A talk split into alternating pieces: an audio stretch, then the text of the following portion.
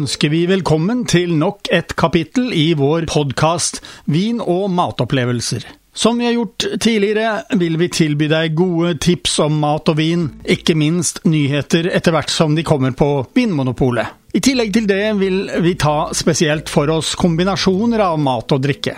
Vær så god, det er servert. Da sitter vi her igjen, Harald, eh, med fire gode viner. Vi, vi har jo tjuvstartet, så eh, vi eh, syns jo at dette var noe som passet godt. Absolutt. Og det som var litt morsomt, var jo at alle fire var gode i seg selv, men også gode til maten vi hadde. Og vi hadde da lammekoteletter og poteter og litt sopp og sjarlottelauk og purre. Og hvitløk eh, kjente jeg også. Og hvitløk var også der, ja. ja og øh, den aller første vi smakte på, det var vel egentlig en liten Vi brukte den som en liten munnfull før maten var ferdig. Og det var en Chateau Moredot. Det var en, en Chateau Neuf de Pape-vin, men til alles overraskelse så var det jo en hvitvin og ikke en rødvin. Ja, det tror jeg aldri jeg har drukket en hvitvin av Chateau Neuf de Pape. Ja, nei. Og da lå jo denne her på høyresiden av Rånelven. Mellom Orange og Avignon ligger da vinhuset. Ja. Den, men, men, har du drukket eh, det før, Karl Erik? Helt ukjent for meg, så det var en stor opplevelse.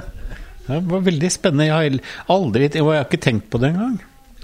Denne vinen, det var en uh, Cotteron uh, hvit. Det var en uh, vin laget av de to franske druene, Rossignon og Viognier. Dette var velsmak. Ja, det var det. Og den var også veldig god til, til maten. Altså til, til lammekotelettene. Den var en sånn rund, behagelig eh, smak. Den ble jo enda mer rundere til maten, egentlig. Den hadde mye fylde og kraft, og kunne da matche ja, Du hadde jo litt grønnsaker og saker og ting. Ovnsbakte grønnsaker sammen med lammekotelettene. Og dette matchet godt. Ja, det gjorde det. Jeg syns det var veldig godt til. Så jeg vil ønske at vi kan få mer av den vinen. Ja, Da var det tid for en rødvin, og den som Harald og jeg nå har funnet fram, kommer fra Spania. Den heter Stylo de Cubero Garnacha Old Wines 2018. For alle dem som ikke er helt vinnerder, så betyr det at druene kommer fra 35 år gamle vinstokker, og at den er laget 100% på Garnacha-druer. Og det beste av alt er at prisen gikk nettopp ned fra 160 kroner til 120. Slå den! Vinen kommer fra byen Calatayud i Aragon i Nordøst-Spania, nærmere bestemt provinsen Saragosa. Så hvor ligger det?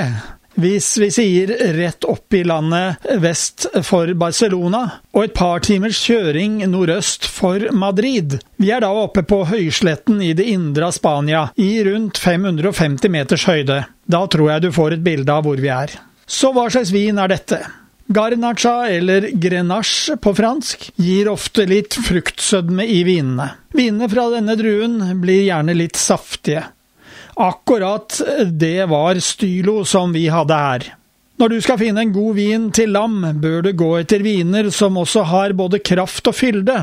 Stylo Old Wines ga oss akkurat det. Siden vinstokkene er 35 år gamle, eller godt voksne som vi kan si, vil de kanskje ikke gi så mange druer per vinstokk, men druer med mer kraft og fylde. Og det passer godt til aromatisk og smakfullt kjøtt som fra lam.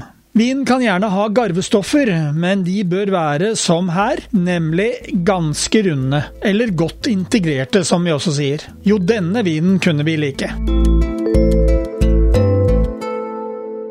Så har vi kommet til Chateau Carpena. Dette er en bordeauxvin. Den kommer fra Côte Bourge, og det er eh, en eh, Ja, de som har produsert den, de mener det er en ganske allsidig vin. Det er eh, bilder av små, søte lam, en dagros, en liten harepus, og det er et lite reinsdyr i form av Rudolf på det som er anbefalt. Chateau Carpena 2008, dvs. Si den har jo fått litt år på seg. Ikke mindre enn tolv år, for å si det sånn. Det har den hatt godt av. Ja, absolutt. Den er jo ganske sånn dyp, sånn rubinrød, den her. Jeg, jeg syns jeg smakte røde bær, ja, men, men eh, kanskje litt, litt krydder. Krydder kjente jeg. Den var veldig tydelig og, og gjorde det godt. Jeg har vært i Cote. Eh, det var ikke mye å skryte av, for å si det sånn. Det var en liten eh, landsby, men det, der har du flere vinhus. Og det er tydeligvis et anerkjent vinområde. Ja, det skjønner jeg godt, for den, den her var veldig behagelig, altså. Nå har vi da 90 Merlot-druer i denne vinen, og 10% Cabernet Sauvignon. Det gir jo da eh, litt eh, runde og behagelige viner, men det var mye, mye fyldig i den her. Det var mye fylde, absolutt. Og, og, som sagt, jeg kjente også godt krydderet, så det gjorde jo også veldig godt til maten. 13,5% alkohol er det i denne. Koster altså 190 kroner. 189,90. Så den eh, lagringen i tolv år, det har da eh, påvirket eh, prisen. Og vi må jo tro at også alkoholinnholdet påvirker prisen. I og med at vi har en avgift på alkohol her i landet. Men, men den lagringen har tydeligvis gjort vinen godt, altså? Det var i hvert fall ikke noe forringelse av vinen. Det var tvert imot. Det var en heving av smaken. Da har vi kommet til Chateau de Pierreux Brouilly Reserve 2018. Ikke så gammel, to år, men den eh, blir også betegnet som ganske allsidig av eh, vinmakeren. Det er en liten eh, sau på anvendelsesområdet. Det er Dagros, og det er en liten harepus. Og så har vi Rudolf med den røde nesen. Så, så, her har vi altså lam, vi har storfe, vi har småvilt og vi har storvilt. Og vi har nå testet denne her vinen mot lam. Lammekoteletter med mye godt attåt, og det passet veldig godt. Ja, det gjorde det. Det er litt uh, artig. Begge de to siste vinene, det, det har jo vært Den har stor anvendelse, både småvilt og storvilt. Og jeg syns den Det første var den hadde en lang ettersmak. Og jeg syns jeg smakte kaffen. Kaffe var liksom Den syns jeg kom eh, tydelig fram. Og jeg likte også den her veldig godt. Dette er jo en vin til 170 kroner. Har eh, ja, det samme som forrige vin, altså 13,5% alkohol.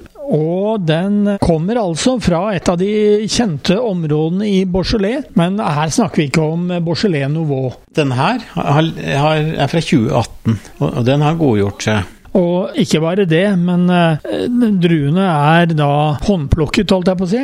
Disse druene de er da nøye selektert og plukket, og gjennom langsom gjæring i sementtanker, har jeg lest. Og de har da ligget i 70 måneder på 50 hektoliters eikefat. Så, så disse har da virkelig uh, kost seg nede i fatene. Ja, det, det har gjort eh, tydeligvis vinen godt å vært der. Både den forrige eh, fra Cote Bourge og denne vinen, det er på bestillingsutvalget. Men eh, mange forretninger har allerede tatt den inn. Ja, og det skjønner jeg. For, den, for det første er, er den en, har mye fylde, mye smak. Og så har den en veldig sånn uh, god Altså veldig anvendelig. Eh, denne er jo også faktisk eh, går til ost, så i tillegg til at den dekker flere ulike kjøttsmaker, så er det også, kan det gå til, til ost. Og det, det, skjønner jeg godt. Ekspertene sier jo at eh, dette er et godt kjøp, og det er jeg helt enig i. Ja, det er jeg helt enig i òg. Som sagt, den går både godt til den maten vi hadde i dag, altså koteletter, lammekoteletter, men også går fint an å drikke alene. altså. Og det som er interessant, det er at eh, nå har vi da testet ut tre viner til lam, og de er laget på svært så forskjellige druer. Det er eh, Merlot. Vi har hatt litt eh, Cabernet Sauvignon-innslag i vinen. Det er Gamay-druen, og det er Grenache. Jeg vil si at eh, det er interessant hvor, eh, hvor godt eh, dette har passet inn i, til lammekoteletter. Det som er interessant, det er jo også at mange eksperter sier at syradruen er det som er det primære som passer til lam. Men her har vi funnet ut noe mer. Ja, er, Det er flere druer som passer godt til lam, altså. Så det har jeg fått erfare. Har du fått dagens podkast fra Radio Riks Oslo om mat og vin. Hvis du ønsker å abonnere på den, slik at du får den automatisk når nye blir lagt ut, kan du gjøre det. Kommende mandag får du neste kapittel. Vi høres!